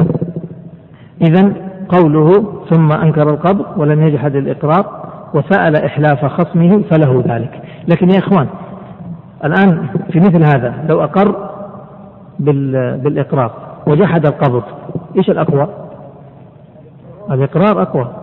لكن قال أنا أبغى أن تحلفوا هذا الخصم. حلفوا خلوه يحلف أنه سلمني له ذلك لاحتمال أنه فعلا يكون كتب الإقرار على نفسه وأشهد على ذلك ثم لم يقبض شيئا. طيب يقول وإن باع شيئا أو وهبه أو أعتقه ثم أقر أن ذلك كان لغيره لم يقبل. لم يقبل قوله ولم ينفسخ البيع ولا غيره. ولزمته غرامته للمقر. صورة ذلك؟ تبغوا صورة ذلك؟ باع شيء. هاتوا الساعة. يا عبد العزيز. بعت الساعة لعبد العزيز. ها شيخ. وإن باع شيئا بعت لعبد العزيز. وبعد ما بعت قلت بعت لعبد العزيز نقول في يوم واحد واحد من السنة. بعت له هذه الساعة بمئة ريال. بعد عشر أيام قلت يا عبد العزيز ترى الساعة اللي بعتها لك ليست ملكي هي ملك لمحمد إيش أقصد من هذا؟ ألا يحتمل أن يكون كلامي هذا غير صحيح لأني أريد أن أفسخ البيع؟ ممكن ولا لا؟ نقبل ولا ما نقبل؟ ما نقبل. طيب إذا ما قبلنا الآن كلامي متضمن إيش؟ قلت يا عبد العزيز الساعة التي بعتك إياها في واحد واحد ليست ملكي هي ملك لمحمد كلامي هذا ما هو إقرار لمحمد فنقول البيع صحيح ولا نقبل هذا الكلام ونلزمك بإقرارك. بالضمان لمحمد. فيصير محمد له قيمة هذه الساعة. فلو قلت هذه الساعة يا عبد العزيز بعتك إياها بمئة ريال ترى ليست لي هي لمحمد. فنقول البيع صحيح ولا نفسخ البيع ويلزمني أن أدفع لمحمد المئة ريال قيمة الساعة التي أخذتها لأني أخذت ثمن شيء لا أملكه بحسب إقراري. واضح المسألة؟ قال لم ينفتح البيع ولا غيره ولزمته غرامته للمقر له اللي هو محمد. طيب وإن قال لم لم يكن ملكي ثم ملكته بعد يعني بعد البيع. فهمت الصورة الثانية؟ الصورة, الصورة الثانية الآن نفس المثال. قلت يا عبد العزيز الساعة اللي بعت لك التي بعتك إياها في يوم واحد واحد بمئة ريال ترى يوم بعتها يوم بيعها ما كانت ملكي يوم واحد واحد ليست ملكي لكن بعد خمسة أيام أصبحت ملكي فهمت؟ نقبل هذا ولا ما نقبل؟ يقول المصنف لا نقبل. طيب لو جبت بينة وشهود؟ يقول نقبل إلا في حال طيب ما هي الحالة؟ الحالة أنه لا يكون يوم البيع اللي هو يوم واحد واحد لما بعتك الساعة ما قلت لك هذه ملكي؟ أو كتبت على نفسي وأقريت أني استلمت ثمن ملكي. ما كنت عبرت بملكي. فإن كنت استخدمت لفظ الملك معناه البين الشهود اللي جبتهم يكذبهم إيش؟ إقراري. المسألة فيها لخبطة هينتبهوا معلش هي آخر مسألة يبدو. أنا نسيت قلت هي آخر مسألة. طلع في باقي مسألة هي هذه. هذه آخر مسألة إن شاء الله.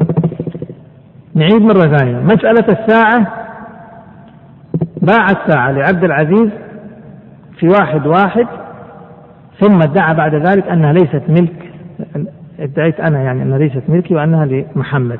إيش يحصل؟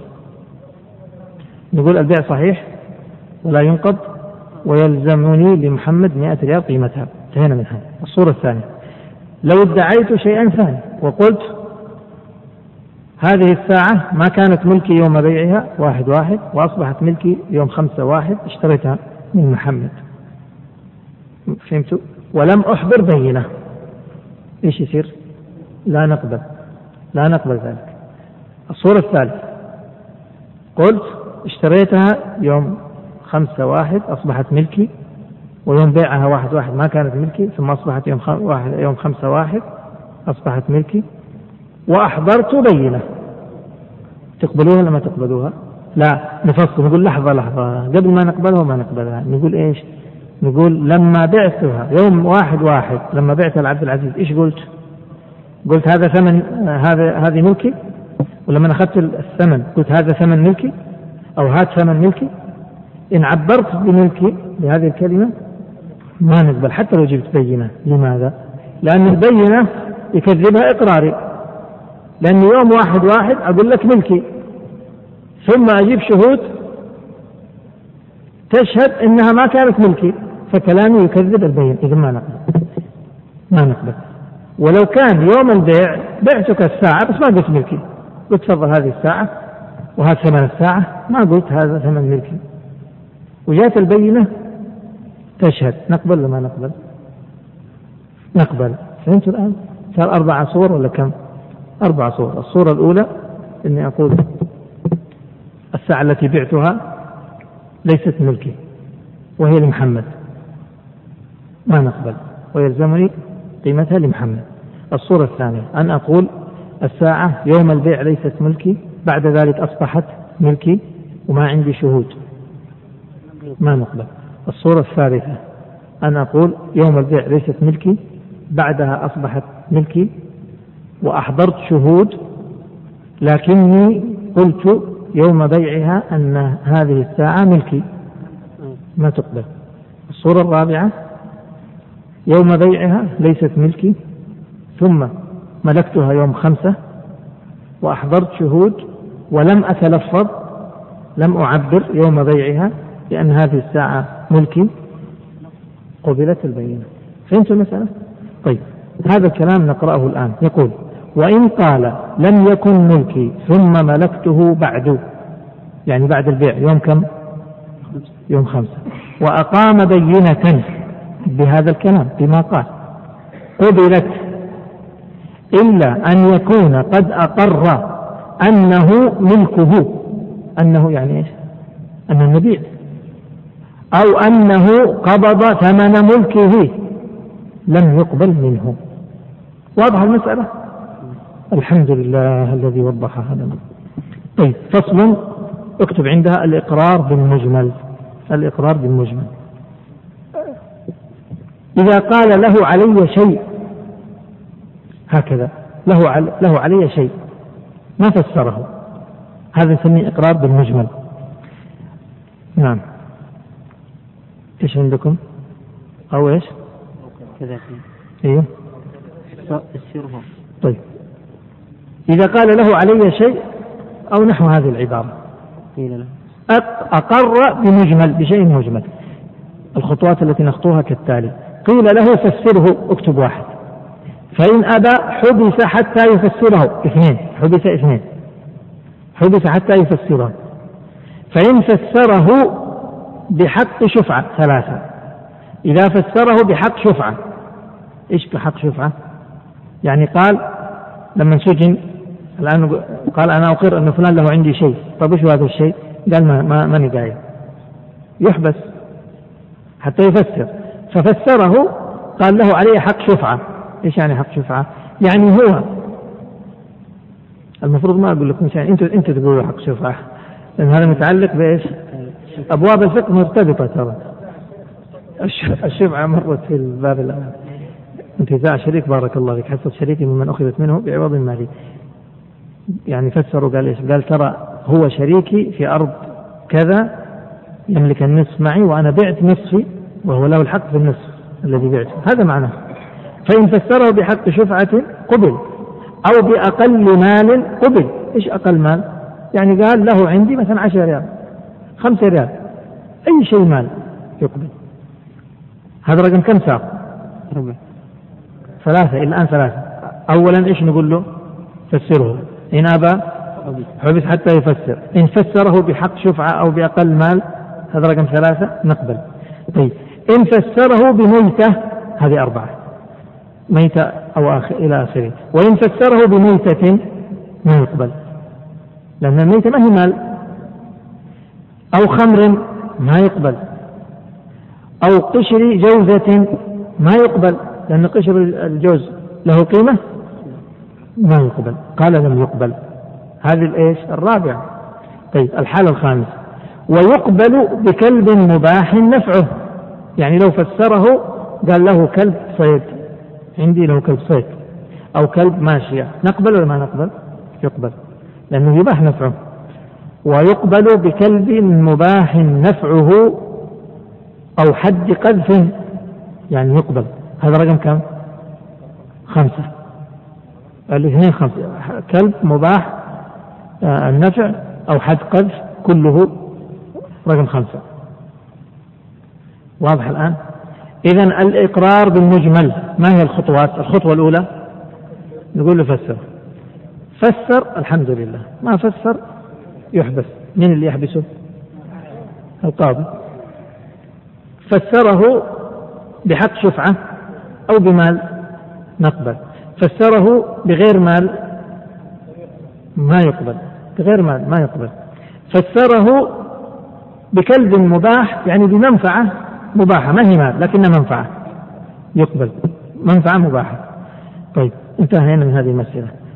انتقل إلى مسألة جديدة. قال وإن قال له علي ألف ألف فقط. هذا مجمل. فلان له عندي ألف. ألف إيش؟ ألف ريال. ولا ألف جنيه ولا ألف سيارة ولا ألف إيش؟ ها؟ احتمال كثير. ألف ثوب ألف إيش؟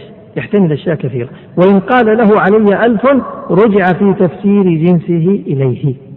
يعني نفس الطريقة نقول له تعال فسر وش الألف هذه. ما هي الألف؟ ألف إيش؟ فإن فسرها بألف بألف ريال. نقبل؟ نقبل.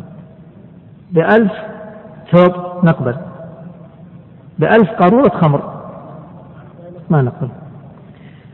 طيب. فإن فسره بجنس واحد يعني قبل. أو بأجناس قبل منه. قلنا له وش الألف؟ قال ألف ريال. نقبل. أو قال الألف هذه خمسمائة ثوب وخمسمائة غترة. نقبل؟ نقبل. وإن قال له علي ما بين درهم وعشرة لزمه ثمانية. بين الواحد العشرة كم بينهم؟ ثمانية. وإن قال ما بين درهم إلى عشرة كم يلزمه؟ تسعة. ما بين درهم إلى عشرة قالوا تسعة. ليش تسعة؟ أخرجوا إيش؟ أخرجوا العشرة. أخرجوا الغاية. قالوا لأن الغاية ما تدخل في هذا. وهذا ما هو ما هو نص ترى. هذه مسألة اجتهادية. تماما لأنه رواية ثلاث روايات. الرواية الثانية أنه تدخل ما بعد العشرة فنقول له عشرة. إذا قال ما بين درهم إلى عشرة الإشكال هو ما بين درهم إلى عشرة. هل العشرة داخلة ولا ما هي داخلة؟ المصنف قال إيش؟ لا قال ما هي داخلة. عشان كذا قال تسعة طيب لا ما بين درهم إلى عشرة قال تسعة. ما دخل العشرة. الرواية الثانية تدخل العشرة. الرواية الثالثة لا تدخل لا العشرة ولا الواحد. يعني كم؟ ثمانية. إذا من اللي راح يقضي في هذا؟ هذه مسألة قضائية. طبعا القاضي هو الذي يختار من هذه الأقوال ويرجح. طيب. أو من درهم إلى عشرة. كم يلزمه؟ تسعة. باعتبار إيش؟ أنا بف... أو نعرف لماذا قال المصنف تسعة. لأنه لم يدخل ما بعد الغاية. ما دخل العشرة. وإن قال له علي درهم أو دينار لزمه أحدهما. يا درهم يا دينار. طيب من الذي يحدد؟ هو الذي يعين. هو. اكتب عنده. ويلزمه التعيين. ويلزمه التعيين. لو قال درهم أو دينار. شك. ما هو عارف. فمعناه يجب أحدهما. لكن التعيين عليه هو. قال وإن قال له علي تمر في جراب.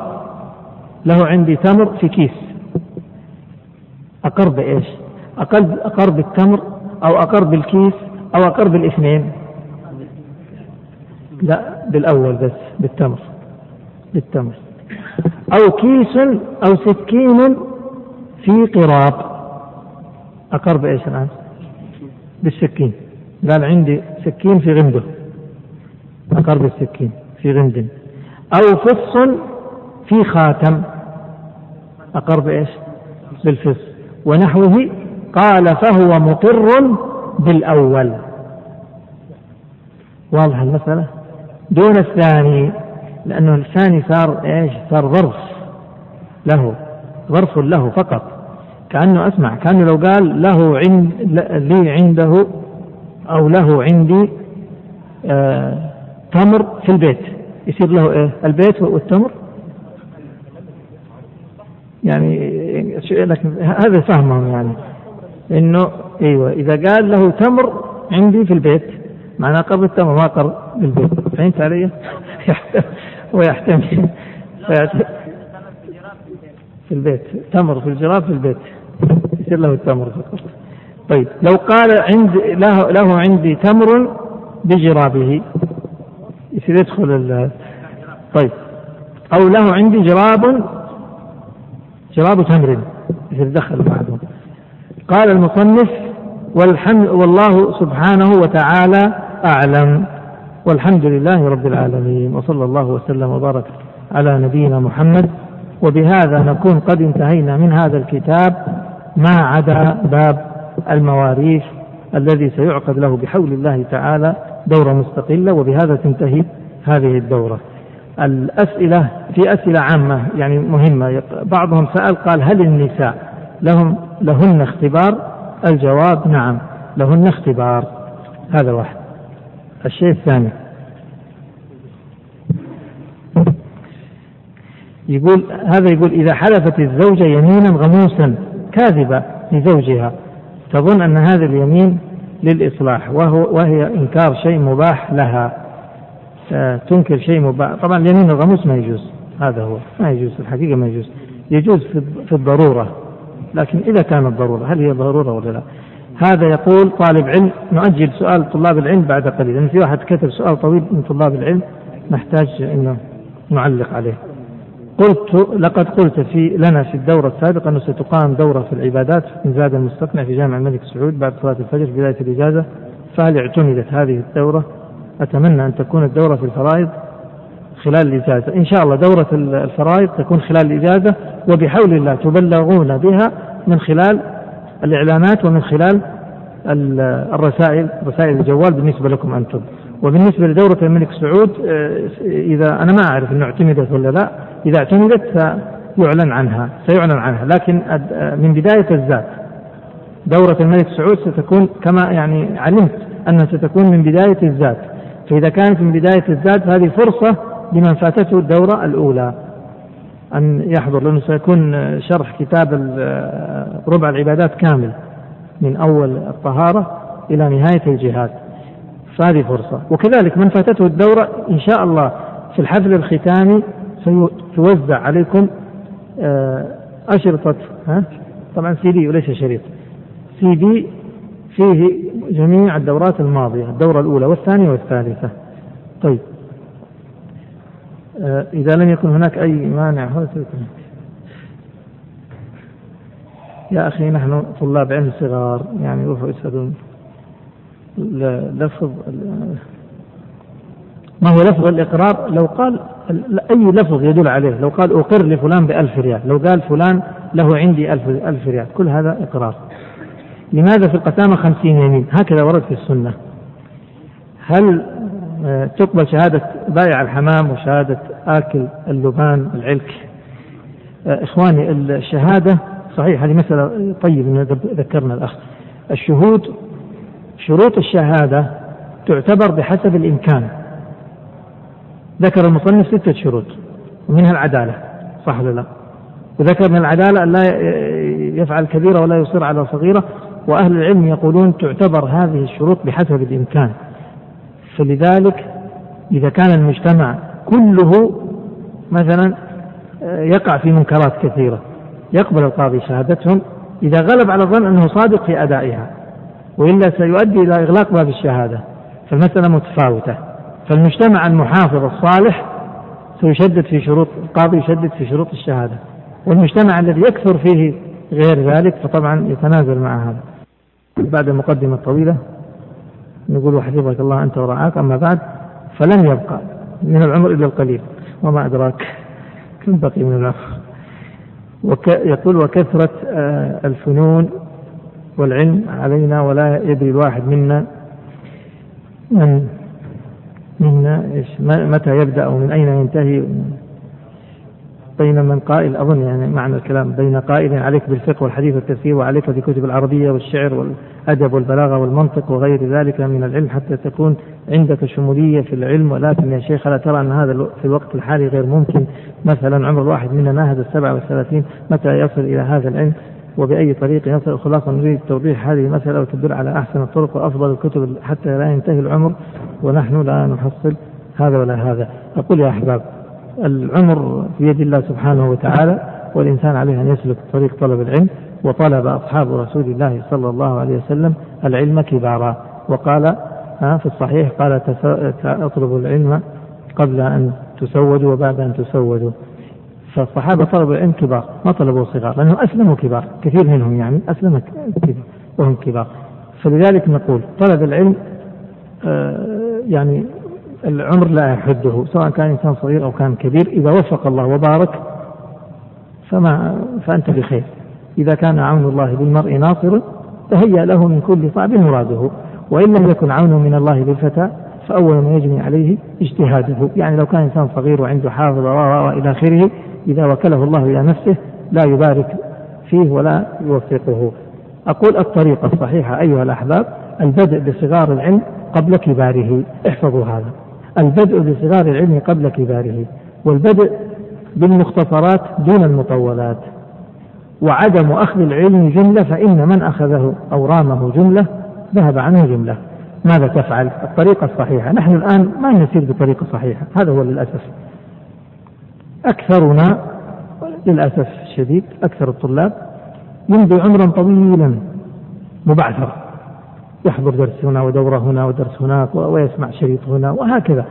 دون أن يشعر أنه تقدم ولا حصل شيئا وإنما حصل معلومات مبعثرة غير منتظمة وغير مرتبة و, و, ولا يشعر أنه حصل علم. لماذا؟ لأنه لم يسلك الطريق الصحيح. ما هو الطريق الصحيح؟ الطريق الصحيح أن تبدأ بصغار العلم. وتثبت هذا العلم الذي أخذته من صغاره هذا. ثم تنتقل وتتوسع. طريقة عملية. ينبغي أن يبدأ طالب العلم أولا بعلوم الآلة. ما هي علوم الآلة؟ اللغة العربية النحو الصرف البلاغة أصول التفسير أصول الحديث أصول الفقه. إذا حصل هذه العلوم هذه الستة من خلال مختصرات جدا جدا لا يقرأ في المطولات ولا يقرأ في الكتب الكبيرة. ولا يحمله يدفعه الحرص والاستعجال لأن هذا قد يكون من تلبيس الشيطان. قد يلبس الشيطان على الإنسان يقول لا لا لا اترك هذا المختصر الصغير خذ كتابا كبيرا حتى يكون أكثر علم وهو يريد منك أن تنقطع في منتصف الطريق. فتبدأ بصغار علم. متون مختصرة جدا متن في النحو صغير تتقنه. على صغر اتقنه. متن في الصرف صغير متن في البلاغة مختصر. ومتن في أصول الفقه وفي أصول الحديث وفي أصول التفسير. ثم تنتقل إلى علوم المقاصد. فتقرأ متنا في التوحيد ومتنا في التفسير ومتنا في الحديث ومتنا في الفقه. هذا الذي نحن فيه الآن. شوف إحنا فين بدأنا لكن ماذا نفعل؟ ما عندنا معهد شرعي ندرس من خلاله. ولا ولا الطلاب يدركون ما الطلاب ما يعرفون ماذا يفعلون. ولهذا تجد طالب أحيانا وهذا شيء يعني لمسه من الناس. يقول الاخ يعني أنا لي عشر سنوات وأنا في طلب علم ما اشعر ما أشعر أني تقدمت. عنده معلومات مبعثرة غير منتظمة. مثلا في إيش؟ في الفقه قلنا. اذا التوحيد والتفسير والحديث والفقه. هذه وكل متن يقرأ يتقنه على صغره على صغر حجمه. يتقنه ويضبطه. وبهذا يشعر الإنسان أنه ينبني بناء يكبر. أما إذا كان سيبقى بهذه الطريقة المبعثرة يوم يحضر هنا يوم هناك يوم يسمع هذا الشريط ولا يتم ويحضر دورة ولا يتمه ويحضر في درس ولا يتمه فلا شك أنه أو يبدأ في كتب طويلة غير ما هي مختصرة. أو أحيانا وهذا طبعا يعني خطأ يكون أحيانا من المدرس مش من الطالب. يقرأ في متن مختصر بطريقة شرح مطولة. ما يستفيد الطالب؟ من الذي يستفيد؟ يستفيد الطالب المتمكن الطالب المتأسف. أنا أقول الدروس التي تكون يعني فيها إسهاب في الشرح أنا ما أقول مضرة هذه. هذه لا تضر بالصحة. ما حد يقول هذا الكلام. هذه مفيدة لكنها تفيد من؟ ما تفيد المبتدئ.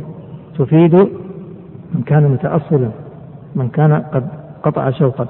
المهم إذا انتهينا من هذه الخطوة. فيكون الطالب الآن حصل على السنة الأولى. خلاص أخذ الابتدائية. ينتقل للمرحلة الثانية. فيعيد الكرة بكتب أطول.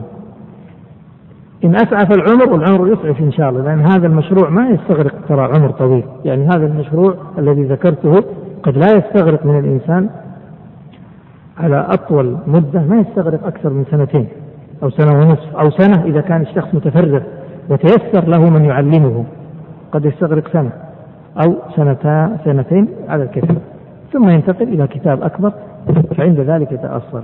وهذا الذي يؤسف. أننا ننظر إلى طلاب المعاهد الشرعية الذين يدرسون على الطريقة التقليدية الصحيحة القديمة التي سار عليها أهل العلم منذ القدم تجد صغار طلاب العلم متمكن أكثر من من أكثر من كثير من الكبار الذين أمضوا عمرا طويلا في طلب العلم ودهرا. في حياة الالتزام والصلاح والاستقامة وحضور الدروس. انه ما ما سلك طريقة صحيحة، سلك طريقة مبعثرة. هذا الكلام طبعا باختصار وبإيجاز، وأرجو أن أنفع الله. هذا الكلام الذي أقوله الاستثمار الصحيح لما أقول الآن درست كتاب. فأضبط هذا الكتاب وحافظ عليه وأتقنه. وأقول كلمة. أقول لا تحرص على الخروج عن الكتاب. بمعنى يعني لا تحرص على معلومات ليست في الكتاب. الآن في هذه المرحلة ركز على هدف. ما هو الهدف؟ أن تصبح متقنا وفاهما لمضمون هذا الكتاب بحيث إنك إذا قرأت في أي لحظة تفهم أي عبارة تقرأها. هذه واحدة. وبكثرة القراءة سترسخ المعلومات. ويمكن أن يعني تجعل لنفسك فترة معينة لحفظ هذه الأبواب. حفظ أقصد حفظ الأحكام مش حفظ الألفاظ. حفظ الأحكام الموجودة. إذا وصلت لهذا الهدف ما هو الهدف؟ قلت هدف ما هو الهدف؟ ضبط الكتاب. بمعنى أن تصل إلى مرحلة أنك إذا قرأت الكتاب هكذا بالنظر تفهمه. مجرد القراءة تفهمه. هذه مرحلة عالية جدا جدا لا تظن أنها سهلة. هذه مرحلة عالية. ثم بعد ذلك إذا عرفت الكتاب وعرفت تصبح عندك قدرة. ستحفظ كثير من من الأحكام الفقهية. والشيء الثاني إذا عرضت لك مسألة تعرف مظانها أين توجد؟ فتبحثها تركز على هذا. لا بأس أن تستغرق مدة في مراجعة الكتاب القراءة ومراجعة. دائما العلم في بدايته يتفلت لكن بكثرة تكراره يثبت. ولهذا حتى الفقهاء في البداية يقرأ الكتاب ثم يرجع يقرأه ثم يقرأه. لكن بعد مدة خلاص ما يحتاج إلى إلى قراءة الكتاب. إذا ضع هذا الهدف أمامك. أن تفهم هذا الكتاب. لا يكن همك وحرصك على زيادة معلومات لأنك إذا حفظت وفهمت المعلومات التي والمسائل التي في هذا الكتاب فهي كثيرة جدا كثيرة. الكتاب هذا يحتوي على آلاف المسائل ما هي قليلة. طبعا ما هي مرقمة لكن لو رقمت لخرجت آلاف. وبالمناسبة ترى علماء الحنابلة يعني يزكون الزاد يقولون من حفظ الزاد مع الدليل ها؟ صار أهلا للقضاء هكذا يقولون. قد يكون هذا الكلام فيه مبالغة. إحنا ما نبغى قضاء. ولا لنا غرض في قضاء. ولا لنا غرض في فتوى. لا نريد لا أن نفتي ولا أن نتولى قضاء ولا غيره. لكن يعني ها؟ نريد أن نزيد عن أنفسنا الجهل. و نطلب العلم وأن نرتفع درجات عند الله سبحانه وتعالى بهذا. فركزوا الآن. ما دام في جهد بذل في هذا الكتاب ركزوا الآن على تثبيت هذا الكتاب. ومن فاتته الدورات الأولى بإمكانه أن يسمعها ويثبتها. ثم بعد ذلك إذا رسخ هذا الكتاب ينتقل كما ذكرت إلى علوم الآلة يرجع إلى علوم الآلة ويتقنها بهذا الترتيب و ويستعين بالله سبحانه وتعالى ويخلص النية. نعم.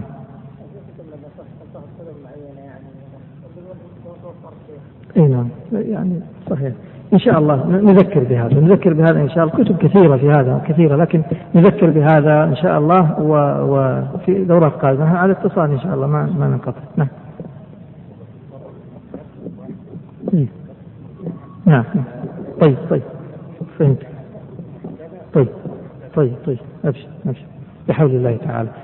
والأهم من هذا وذاك أيها الأحباب الكرام أذكر بحديث عمر بن الخطاب رضي الله عنه قال قال رسول الله صلى الله عليه وسلم إنما الأعمال بالنيات فلا يكن هم أحدنا من طلب العلم فخرا ولا رياء ولا جاها ولا سمعة ولا مالا ولا منصبا ولا غير ذلك ولا آه ترفعا ولا آه فوزا ونصرا على الأقران.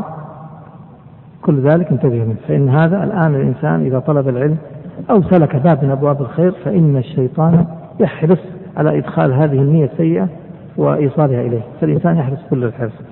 والعمل أيها الأحباب والتطبيق فإن العلم يهتف بالعمل فإن أجابه إلا ارتحل أسأل الله أن يجعلنا من أهل العلم العاملين به. وأنصحكم وأنصح نفسي أيضا بالورع في عدم إطلاق الفتوى أو إطلاق الأحكام فإن هذه مسألة كبيرة. وصحابة رسول الله صلى الله عليه وسلم وعلى رأسهم عمر وأبو بكر كانوا يستشيرون وعلي بن أبي طالب كانوا يستشيرون وهم علماء الأمة هم أكبر علماء هذه الأمة. ومع ذلك كانوا يستشيرون ويسألون ولا يستعجلون لا يقطعون هكذا. وكما قال قال إنكم تتكلمون في أمور لو عرضت على عمر لجمع لها أهل بدر واليوم الواحد من أسهل ما عنده يطلق الحكم على مسائل أو على أشخاص أو على غير ذلك فعلى الإنسان أن يتورع. فإن العلم الخشية والورع وليس العلم كثرة المعلومات وليس العلم بالمباهاة والظهور وكثرة الكلام. لا والله. فأذكر نفسي وإياكم بهذا فالله الله في هذه القضية. وأسألكم سؤالا أن تدعوا لي ولإخوانكم أيضا الآخرين بصلاح النية وقبول العمل وأن نكون من أهل الجنة. نسأل الله أن يرزقنا ذلك. فإنها هي المقصد. نعم. إيه. هو عموما لأن عندنا موعد قريب بالنسبة للمواريث قريبة ستكون إن شاء الله تكون في بداية الإجازة بحول الله تكون في بداية الصيف. فهذا قريب يعني بيننا وبينها شهر أو شهر ونصف فمن هنا إلى هناك يكون يكون ظهر شيء يعني. وأرجو في الأخير أيها الأحباب أن تسامحوني إذا صدر مني. لأحد منكم يعني خطأ في كلمة أو عبارة جافية أو نابية أو يعني غير ذلك فأرجو منكم السماح والعفو. وصلى الله وسلم وبارك على نبينا محمد وعلى آله وصحبه وسلم تسليما كثيرا.